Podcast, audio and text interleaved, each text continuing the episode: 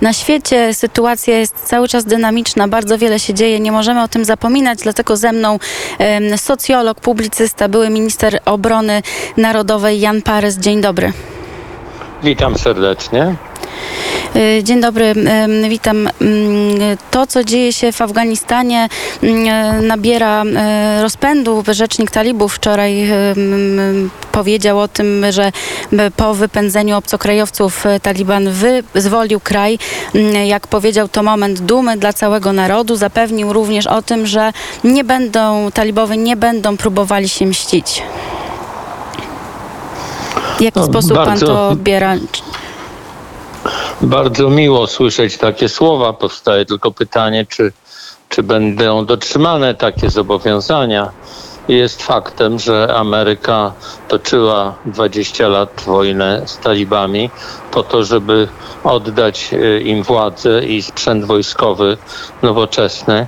E, Po, po 20 latach właśnie e, oddać w ręce talibów. Więc to pokazuje klęskę stan, polityki Stanów Zjednoczonych. E, I to pokazuje moim zdaniem, e, że w Ameryce powinno dojść do bardzo głębokiej refleksji. Mianowicie Ameryka, e, Amerykanie, amerykańscy politycy czują się ojcami demokracji i czują misję, uważają, że mają misję, by krzewić demokrację na świecie i kontrolować demokrację na całym świecie. Otóż to jest postawa błędna. Jest 192 państwa na świecie i e, na ogół ludzie chcą urządzać swój kraj po swojemu. Nie zamierzają czekać na to, co powie Waszyngton, e, że Waszyngton będzie ich pouczał, co jest dobre, co jest złe, jaki mają mieć ustrój, jakie mają mieć prawo.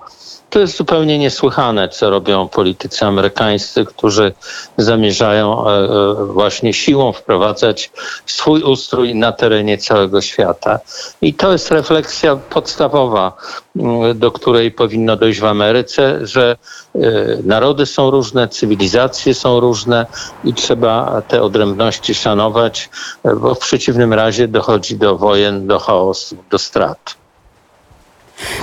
Ta refleksja, o której Pan mówił, e, administracji amerykańskiej Waszyngtonu to jedno, ale wczoraj e, Jens Stoltenberg, sekretarz generalny NATO, również powiedział o tym, że przecież Sojusz nigdy nie mówił o tym, że zamierza na stałe mm, e, stacjonować w Afganistanie. Oczywiście to była od parunastu lat również operacja e, sił natowskich i NATO też odpowiada za to, co się tam działo. E, nie jest prawdą, że tam nie próbowano budować demokracji. Tam e, właśnie tu prezydent Biden po prostu mówi nieprawdę. E, tam próbowano zbudować nowoczesne, laickie, świeckie państwo w społeczeństwie, które jest e, bardzo głęboko tradycyjne, e, sakralne, islamistyczne.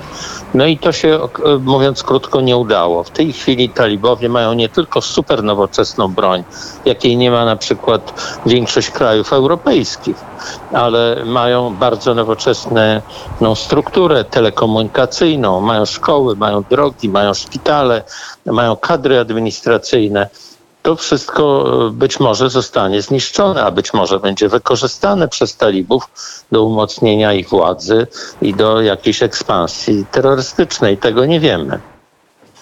Może stać się coś jeszcze, co sprawi, że mm, Ameryka w jakiś sposób będzie starała się odwrócić to, co się wydarzyło, czy tu już raczej na to nie ma co liczyć? Jeśli idzie o Afganistan, myślę, że w Ameryce już panuje poczucie przegranej i raczej tylko będą szukani winni tej de- decyzji, winni tego, że Ameryka straciła 2,5 tysiąca żołnierzy, 3,5 tysiąca cywilów, że Ameryka wydała prawie 3 biliony dolarów e, na sytuacji, kiedy to nie było konieczne, bo z Afganistanu można było się wycofać po śmierci Bin Ladena.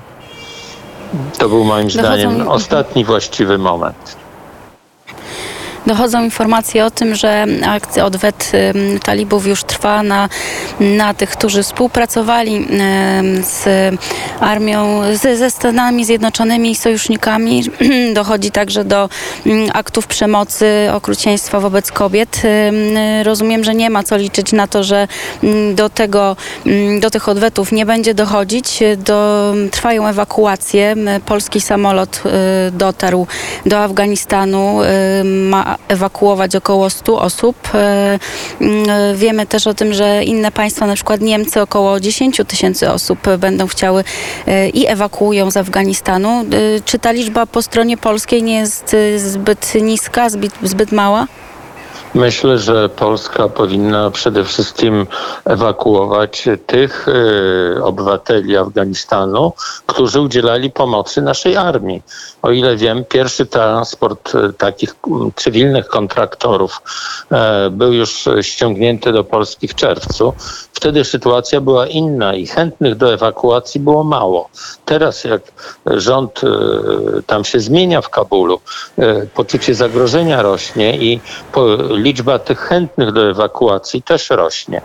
E, Myślę, że przede wszystkim każdy kraj powinien ewakuować e, swoich kooperantów, swoich kontraktorów cywilnych.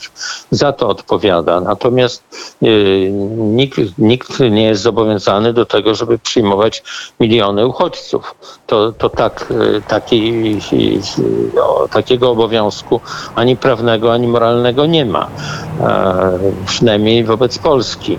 E, Polska ma dosyć problemów. W tej chwili, jak wiadomo, Rosja zaczyna wojnę hybrydową z Polską, ponieważ wszystko to, co się dzieje na granicy polsko-białoruskiej, ma źródło w Moskwie.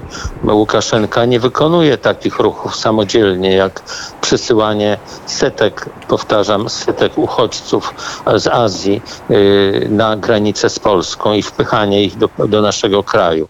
To jest operacja rosyjska to jest operacja ministra Ławrowa i, i Federalnej Służby Bezpieczeństwa Rosji po to, żeby destabilizować wschodnią flankę NATO. Więc e, my musimy przede wszystkim pilnować granicy wschodniej. Nie możemy się zajmować w tej chwili dalej Afganistanem w momencie, kiedy Stany Zjednoczone postanowiły Afganistan opuścić w sposób no, nieprofesjonalny, chaotyczny i w ogóle sprzeczny z zasadami logiki, ponieważ zaczęto wycofywać najpierw wojsko, a zostawiono cywilów, a tymczasem powinno być zupełnie odwrotnie, że najpierw się ewakuuje ludność cywilną e, i, i cywilnych współpracowników, a później na końcu wojsko, no ale to już jest sprawa Stanów Zjednoczonych. Dlaczego, e, dlaczego tam było takie nieprofesjonalne przygotowanie operacji, e, która no, była do przewidzenia. No właśnie, jakie są przyczyny, bo wielu zadaje sobie pytanie, mm, e, dlaczego armia, która była przez tyle lat szkolona, wydawałoby się na, na wysokim poziomie, poddała się w zasadzie bez walki. No, mnie się wydaje, że to Amerykanie wydawali ogromne pieniądze na sprzęt i szkolenia. To jest 88 miliardów e, dolarów wydali na sprzęt i szkolenia armii afgańskiej. E, jak widać bez żadnego efektu, bo ci ludzie po prostu e, nie chcieli walczyć. Tam były rocznie 30% żołnierzy dezerterowało. To był najlepszy sygnał już e, sprzed paru lat, że a- afgańscy obywatele nie mają ochoty walczyć e, za, e, z talibami, nie mają ochoty walczyć za tak zwaną westernizację, za to, że im się wprowadza amerykański American style of life, amerykański sposób życia. E, I Amerykanie tego nie mogą zrozumieć, że ktoś nie chce żyć po amerykańsku, a tymczasem większość krajów na świecie chce żyć po swojemu, a nie po amerykańsku. Ale tego żaden dyplomata amerykański nie rozumie. To są ludzie, e, którzy są no, nieprawdopodobnie zarozumiali, którzy nie znają historii, którzy nie wyciągają wniosków z tego, co się stało w Iranie e, 50 lat temu, gdzie, gdzie też upadł reżim szacha wspierany przez Stany Zjednoczone. Amerykańscy dyplomaci nie chcą pamiętać, co się stało z tak zwaną wiosną arabską kilkanaście lat temu, kiedy właśnie budowanie demokracji, narzucanie demokracji przez Amerykanów w Afryce Północnej zdestabilizowało kilka państw e, północnej Afryki. E, No, to, to są wszystko przykłady, z których trzeba umieć się uczyć. Tymczasem Amerykanie się nie uczą. No, mam wrażenie, że każda nowa ekipa zaczyna e, rządzić od zera. Nasz e, czas powoli dobiega końca, więc e, chciałam tylko na koniec zapytać o tym, o czym Pan już wspomniał, ponieważ ostatniej doby Straż Graniczna odnotowała, e, że 138 osób, które próbowały nielegalnie dostać się do Polski, udaremniono przekroczenie granicy 130 osobom, a 8 cudzozie- cudzio- cudzoziemców zostało zatrzymanych. Czy to, co się w tej chwili dzieje zarówno na Litwie, jak i w Polsce, to jest element wojny hybrydowej? Tak, moim zdaniem to jest początek e, jawnej wojny hybrydowej z e, wschodnią flanką NATO i powinniśmy o tym otwarcie mówić na spotkaniach Sojuszu Północnoatlantyckiego w Brukseli. To nie są przypadki, to nie są żadni spontaniczni uchodźcy, bo Łukaszenka nie robi niczego sam.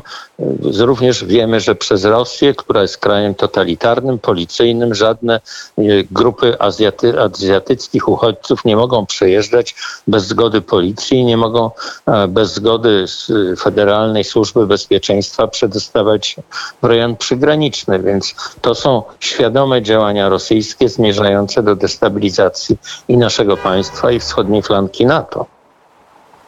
Bardzo dziękuję za ten głos. Moim gościem był Jan Parys, socjolog, publicysta, były minister obrony Narodowej. Bardzo dziękuję za tę rozmowę i za ten komentarz.